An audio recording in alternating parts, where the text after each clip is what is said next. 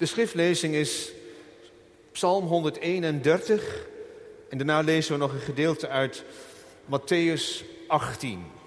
Matthäus 18, versen 1 tot en met 5.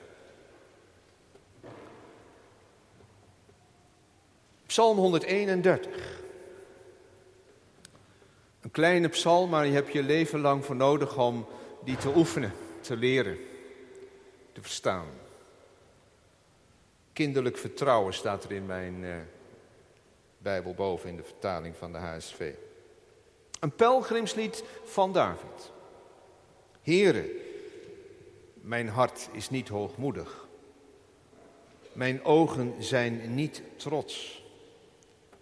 Ook wandel ik niet in dingen die te groot en te wonderlijk voor mij zijn. Voorwaar, ik heb mijn ziel tot rust en tot stilte gebracht.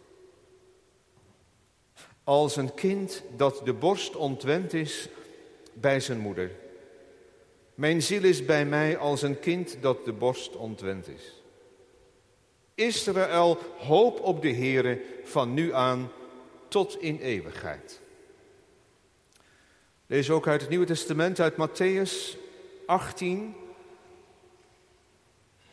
de versen 1 tot en met 5. Op dat moment kwamen de discipelen bij Jezus en zeiden: Wie is toch de belangrijkste in het koninkrijk der hemelen? En Jezus diep een kind bij zich en zette dat in hun midden. En hij zei, voorwaarlijk zeg u, als u zich niet verandert en wordt als de kinderen, zult u het koninkrijk der hemelen beslist niet binnengaan. Wie zich dan zal vernederen als dit kind, die is de belangrijkste in het koninkrijk der hemelen. En wie zo'n kind ontvangt in mijn naam, die ontvangt mij. Dit is het woord van God, zalig die het woord van God horen, dat geloven en daar ook uit en naar leven. De verkondiging is, zoals ik al zei, Psalm 131. Ik heb boven de preek geschreven, ik kan allerlei titels bedenken, maar dit is er één. De stress voorbij. De stress voorbij over innerlijk tot rust komen in God.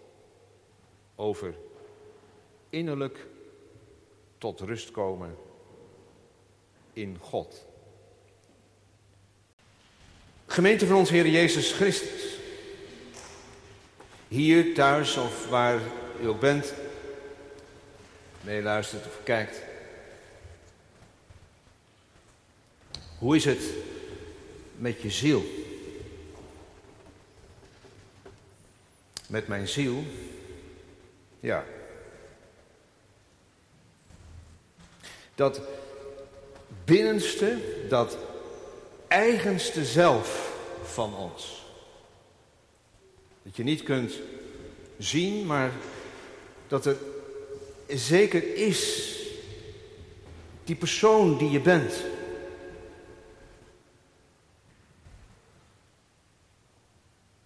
Onrustig is mijn hart, mijn ziel zou je kunnen zeggen, totdat het rust vindt in u. Bekende uitspraak van Augustinus.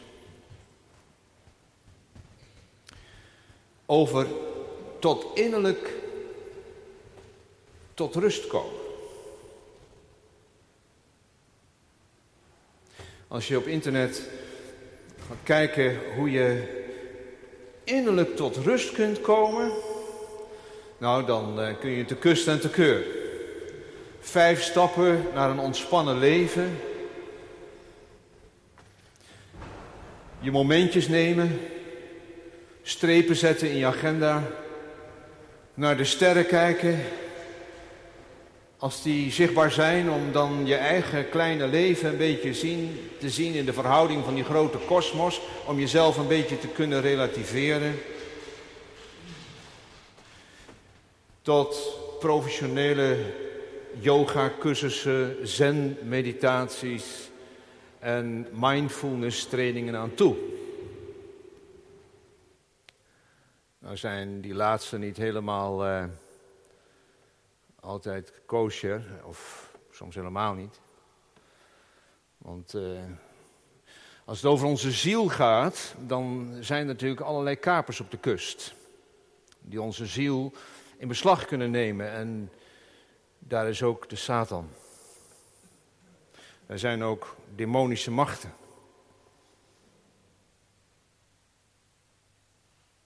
Daar geloof ik in. De Bijbel gelooft daar ook in. Die ziel van ons is.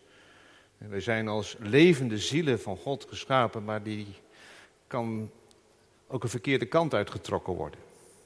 Hoe is het met je ziel? Tot rust komen van binnen. Ontspanning krijgen. Of krijgen. Je moet er wat voor doen. Dat is de rode draad op al die internetsites. Ja, want het is nogal een samenleving waarin wij leven. Ik las dat ongeveer 1 miljoen mensen op dit moment het risico loopt om een burn-out te raken en even dagen later degene die het al lange tijd niet meer redden. Stress, spanning.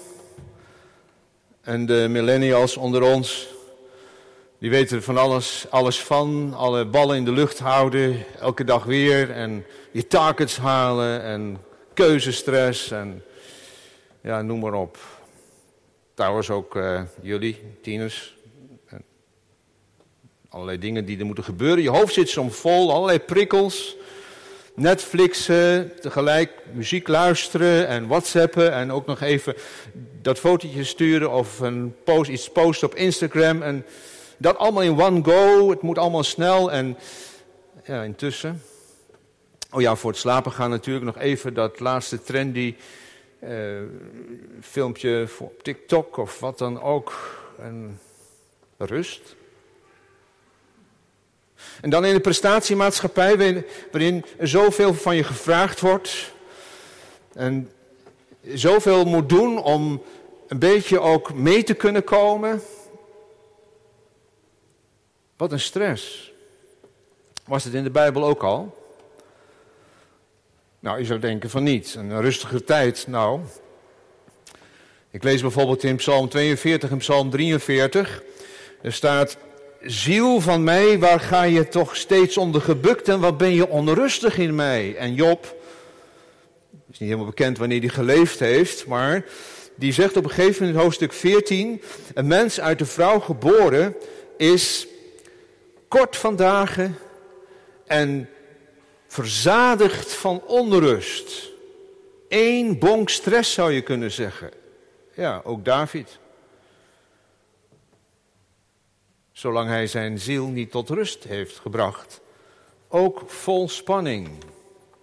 Dat ga ik allemaal nu niet benoemen, wat er allemaal in het leven van David is geweest. Al die momenten waarin hij opgejaagd was, maar spanning genoeg.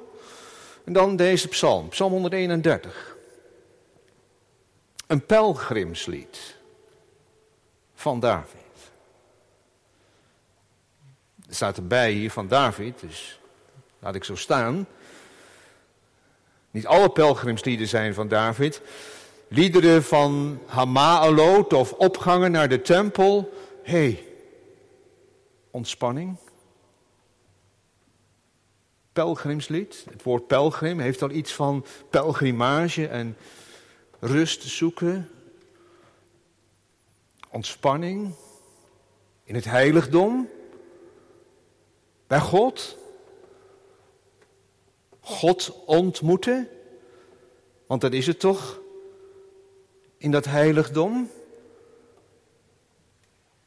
Als ze opgaan naar de tempel, of als ze weer teruggaan van de tempel waar ze God hebben ontmoet.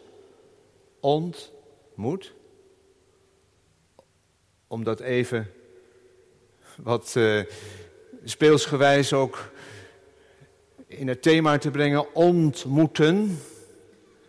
Niet meer moeten, even niet meer moeten. Hoe fijn was het om zo te beginnen vanmorgen, even niet te moeten.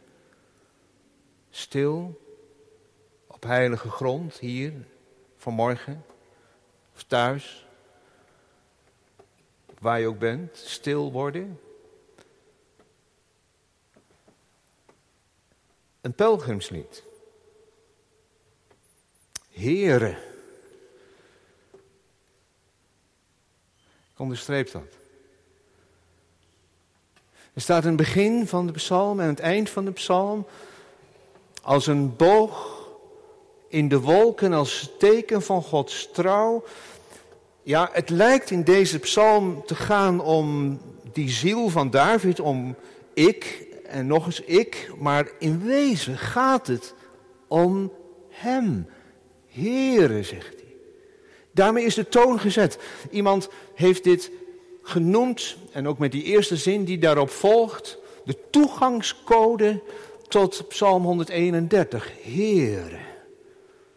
En ja, wij, wij weten, en een Jood spreekt de naam niet uit, het is te heilig, de Hashem, en die zegt, Hashem die zegt niet de naam van God.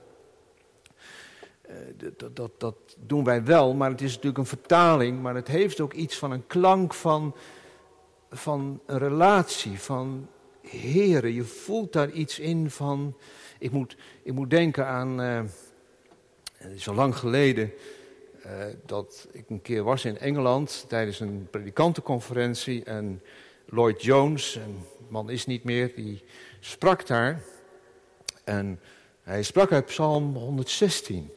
En hij begon zo, ik heb lief, zo begint die psalm ook, want de Heere hoort mijn stem. Hoor je dat? Heere, er zit iets teers in. Er is de toon mee gezet. De God van het verbond, Heere u. Wat, wat zegt die naam je? Heere.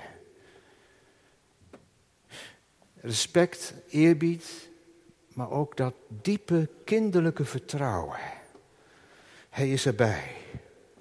In al die stress, in al die dingen die er in mijn leven zijn, Hij is erbij. Heere. Ik volg maar even de woorden van deze psalm. Mijn hart is niet hoogmoedig. Mijn hart, hart. Dan denken we, ja, hart dat zit hier, maar dat is natuurlijk eh, die spier die daar zit en die het bloed door je lichaam pompt. Maar hart in de Bijbel, dat is het centrum van onze wil, van ons denken, waar de beslissingen vallen. Je zou kunnen zeggen, David zegt, ik heb de beslissing genomen. Mijn hart heeft gezegd, ik zeg, mijn hart is niet hoogmoedig.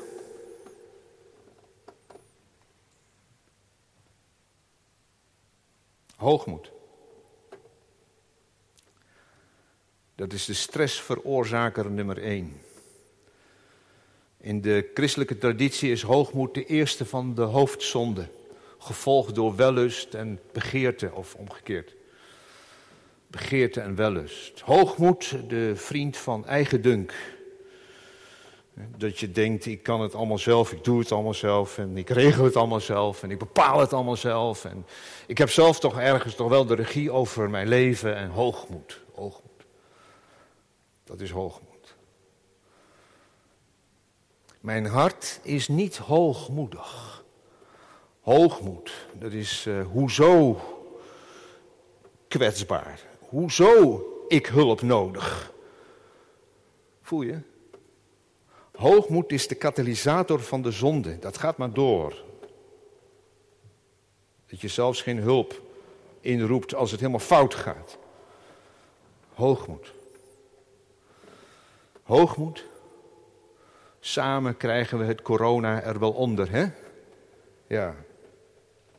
Samen. Nou ja. Tikkeltje hoogmoed kan er ook in doorklinken. Hoogmoed. Nou, daar herken ik me niet in, zegt u. Ik ben eigenlijk ook wel, ik heb dat gevoel van David ook wel. En dat, dat hij ook zegt van mijn ogen zijn niet trots, want ik ben niet een trots, het zit niet in mijn karakter. Ik heb, het, ik heb dat niet. Die hoog moet eerder omgekeerde, dat ik eerder mezelf minder vind en, en min over mezelf denk. Nou ja, uh, mijn hart is niet hoogmoedig, zegt David. Mijn ogen zijn niet trots. dat uh, mijn ogen kijken niet langs een ander omhoog, waardoor ik langs op een ander neerkijk. Maar uh, in dat hoogmoed kan ook iets zitten van ja, nederige hoogmoed. Je kent dat wel. Dat je net doet of je nederig bent of heel bescheiden bent en toch, toch draait het om jezelf. Je kunt langs die ander omhoog, jezelf omhoog kijken. En uh, ik doe dat toch wel beter. En eigenlijk ben ik toch wel ja, als ik dan uh, kijk van, uh, nou ja, die mensen die nog voor die klassieke dienst zijn, nou ja, dat zijn dan toch maar mensen die een beetje blijven steken in het verleden en zo.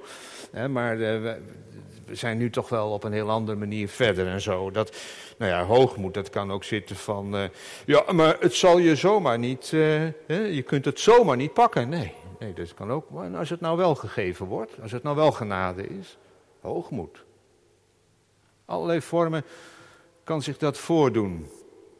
Maar ook als je jezelf langs die ander naar beneden kijkt. Dat die ander, en anderen altijd wel beter zijn. En je kijkt je naar jezelf en zegt, nou ja, ik zie er niet uit. En, uh, en dat heb jij misschien ook wel eens last van. dan kijk je in de spiegel en zo. Uh, te dik, te dun, te lang, te kort.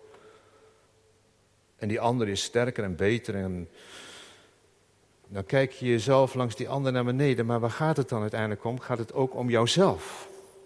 Toch? C.S. Lewis die zei het zo. Echte nederigheid is niet dat je min denkt over jezelf, want dat is niet goed. Je hoeft je niet min te denken over jezelf. Maar hij zegt, echte nederigheid is dat je minder denkt aan jezelf. Dat het niet om jouzelf gaat. En altijd dat ego opgeblazen moet worden.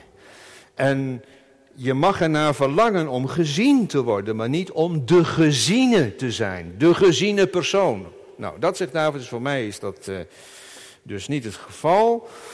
Uh, mijn hart is niet hoogmoedig. Uh, dat ego, dat, dat is het voor mij niet. En eh, en mijn ogen zijn niet trots. En dan in één adem ook wandel ik niet in dingen die te groot en te wonderlijk voor mij zijn. Hé. Hey. Dan kom ik weer even bij het begin, de Heere. Ik wandel niet in dingen die te groot en te wonderlijk voor mij zijn. Dan moet ik denken aan de daden van God, van zijn schepping. Hè? Die grote schepping van God en zijn verlossing van Israël, bevrijding uit Egypte, maar ook zoveel dingen die ik niet begrijp. Van God. Ik wandel niet, ik ben niet hoogmoedig, zegt David, mijn ogen zijn niet trots, ik kijk niet op een ander neer en ik kijk mezelf niet langs die ander naar beneden. Nee, heren, ik wandel niet in dingen die te wonderlijk voor mij zijn. Ik begrijp heel veel dingen niet. Maar ik heb er rust in en ik heb er vertrouwen in dat, uh, dat het leven in uw hand is, ook mijn leven. Dat het u niet uit de hand loopt. Ik wandel niet in dingen die te wonderlijk voor mij zijn. Ik probeer daar geen antwoord op te krijgen. Hoewel mijn hart soms schreeuwt om een antwoord. Dat, dat, dat plotselinge verlies en je man, je vrouw. Het liefste wat je had of een kind te moeten missen. Of die slecht nieuwsboodschap die tot je kwam van de internist in het ziekenhuis of een andere arts, specialist. En dan zoveel vragen en dat de wereld als het ware voor je instort. Ik wandel niet in dingen die te wonderlijk voor mij zijn. David niet hoogmoedig. Hij heeft zich verootmoedigd voor God. Daar kom ik straks nog even op terug. Hij is in vertrouwen op God dat God zijn weg leidt. Ook door moeilijke dingen heen. Nee, soms snap ik er echt helemaal niks van. En ik snap er soms ook echt helemaal niks van. En het houdt me soms ook echt bezig. Wat is dit toch allemaal in de wereld? En nou Afghanistan weer. En, en nou Haiti en de aardbeving. En, eh, Ik begrijp er soms helemaal niks van. Wanneer komt dat koninkrijk van u nu? Ik wandel niet in dingen die te wonderlijk zijn. Ik snap het niet in die kosmos. En hoe zit het nou met God en waar is die hemel? Ik wandel niet in dingen die te wonderlijk zijn. Ik zou het wel willen weten, maar ik weet, het gaat boven mijn macht. En ik krijg rust wanneer ik het aan God overlaat. Zoals Job. Job, ja. Die uh, op een gegeven moment zegt ook, uh, hoe staat het ook alweer bij Job? Uh, die zegt het dan zo. Dat vind ik eigenlijk wel een hele bijzondere uitspraak. Als hij dan zegt, ik weet dat u alles vermag. En geen plan is onmogelijk voor u. Job 42 vers 2. Dat. Nou, hoe komt David daar nou bij? Ik zei, David was ook een man die vol spanning zat en stress en al die dingen. En voor zijn koningschap en toen hij koning was, geen rust. Hoe is het tot die rust gekomen? Voorwaar. Ik heb mijn ziel tot rust en tot stilte gebracht, zegt hij. Gebracht. Ja. Heeft hij dat zelf gedaan? Nou, tot op zekere hoogte wel. Voorwaar, dat is als het ware een eed die hier uitspreekt. Als dit niet waar is, is er niks meer waar. Dit is waar. Zo is het gegaan in mijn leven. Ik heb mijn ziel tot rust en tot stilte gebracht. Dan staat er in het Hebreeuws, in het woord tot rust gebracht.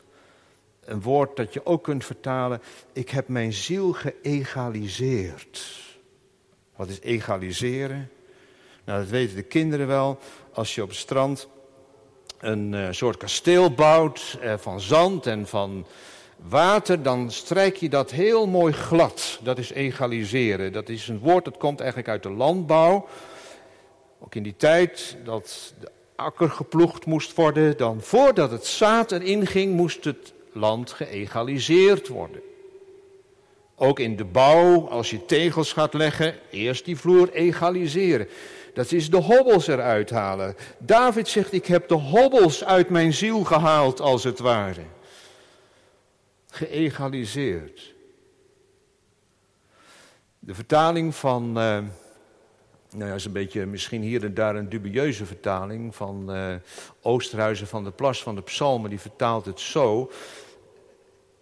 Ik heb mijn verlangen getemd. Mijn verlangens getemd. Nou, dat was voor David natuurlijk heel actueel. Want uh, ik ga dat allemaal nog niet uitleggen in het leven van David, ook niet waar het allemaal mis is gegaan. Maar Psalm 32 en Psalm 51 zeggen natuurlijk genoeg. Dat David zijn zonde heeft moeten beleiden. Gij zijt die man. Dat David op zijn knieën is gekomen. Dat hij in het heiligdom van God heeft gebeden. En ook op zijn plek, op zijn, op zijn plaats waar hij was. O God, wees mij de zondaar genadig. En dat was eigenlijk voor hem de verandering geweest van hoogmoed naar ootmoed. Klein geworden voor God. Ik heb mijn ziel geëgaliseerd. Ik ben met mijn schuld en zonde bij God gekomen. En zo mijn ziel tot stilte gebracht. Stilte de rust die er is bij God. Niet meer dat dat geweten opspeelt en die wroeging, maar vergeven en verzoend, gebroken en geborgen, tot stilte gebracht in Hem, op wie ik vertrouw. Dat Hij mijn zonde vergeven heeft en een nieuw leven geschonken heeft. Hoe is met je ziel? Heb je die stilte gevonden? Tot rust gebracht? Bij God, in God. Verzoend en vergeven. Gebroken en geborgen. En dan dat beeld als een kind op de arm van zijn moeder. De borst ontwend, een gespeend kind.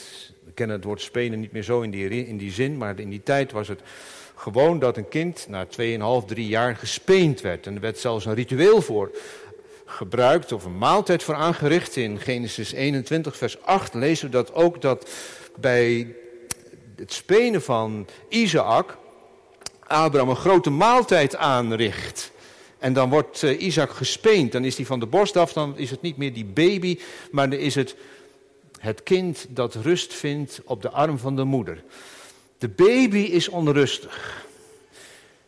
Zolang het niet kan drinken, kan het zelf ook niks doen. Dan weer dat het tot het moment dat die moeder weer te drinken geeft. En dan kan het alleen maar schreeuwen en huilen.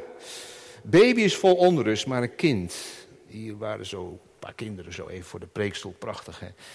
En zo'n kind, ik zie een van die jongetjes, ik zie een van die meisjes, ik zie jou, ik zie jou zitten op eh, de arm van jouw moeder. En, of even knuffelen bij je vader, even kroelen. Even kroelen. Kijk, even kroelen. De arm van je vader. Nou, dat beeld gebruikt David nou dat hij bij God is. Rust gevonden heeft bij God. Als een kind op de arm van de moeder of vader. Zeg ik er maar even bij. Wat een teer beeld is dat, hè? Die zeggen, ja, daar snap je toch niks van. Een koning zo groot en die... Uh, nee, mijn hart is niet hoogmoedig. ik ben tien keer, weet ik wat zijn, CEO of uh, minister of koning of... mijn hart is niet hoogmoedig. Ik zit op de arm van mijn moeder. Zo, zo voel ik het bij God. Dat is mooi. Dicht bij het hart van God. Hoe is het met je ziel? Ben je ook dicht bij het hart van God? Overkomt mij niet elke dag. Ik wou dat ik het wat meer kon voelen. Maar soms wel. Soms wel, gelukkig wel. Even dichtbij. En toch gaat het niet om dit momentje, maar het gaat om de attitude om de houding, mijn leven lang, als een kind, op de arm van mijn moeder in afhankelijkheid. Want tegenovergestelde van hoogmoed is afhankelijkheid. Zo bij God te leven. Dominee is allemaal mooi, maar ik weet het allemaal niet. Ik, uh, ik denk dat ik nog in de babyfase zit. Dat ik, uh, ik voel me soms zo, voel, zo opstandig en ik kan er niet bij en ik ik heb het niet, dat geloof, dat vertrouwen. Nou ja, ik had het misschien wel, maar ik ben het weer kwijt. Ja, dat kan. Dat je het weer kwijt bent. Of dat je het nooit gevoeld hebt. Mijn ziel bij God. Vervuld van de geest.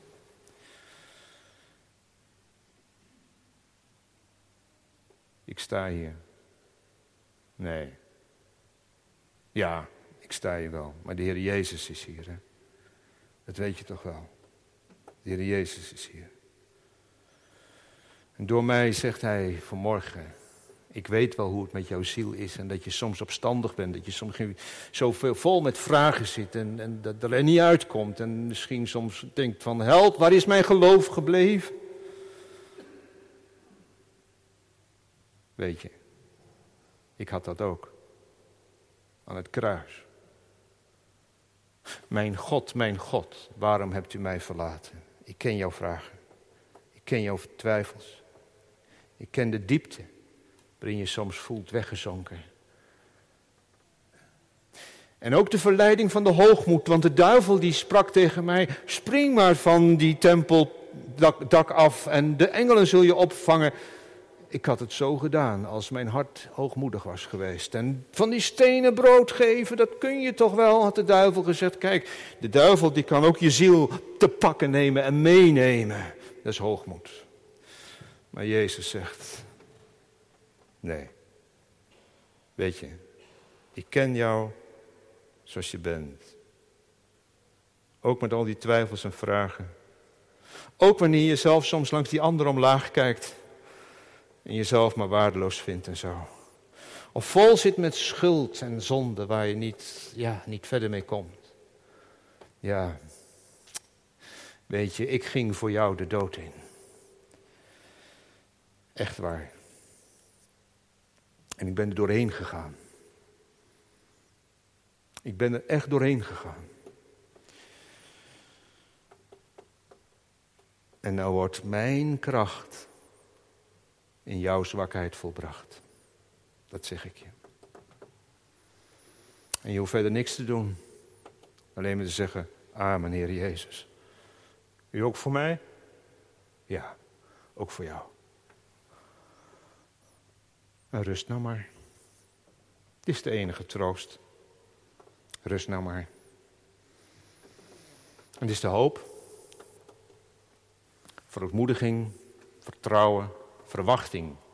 Over stappen gesproken om tot rust te komen. Zo zou ik kunnen samenvatten deze psalm. Verootmoediging en dan uh, vertrouwen op die schoot van die moeder. En verwachting. Israël hoop op de Heer. Verwachting. Er is een toekomst vol van hoop. Voor wie de rust gevonden heeft in Christus. Kom tot mij, die vermoeid en belast zijt, en ik zal je de rust geven. De rust. En leert van mij dat ik zachtmoedig ben en nederig van hart. En je zult rust vinden in mijn ziel, de rust in de Heer Jezus. O, lieve Heer Jezus. Hebt u dat voor mij gedaan? Ja, dat deed ik voor jou. En rust nou maar. En wees nou maar stil. Ook al bespringt de duivel je.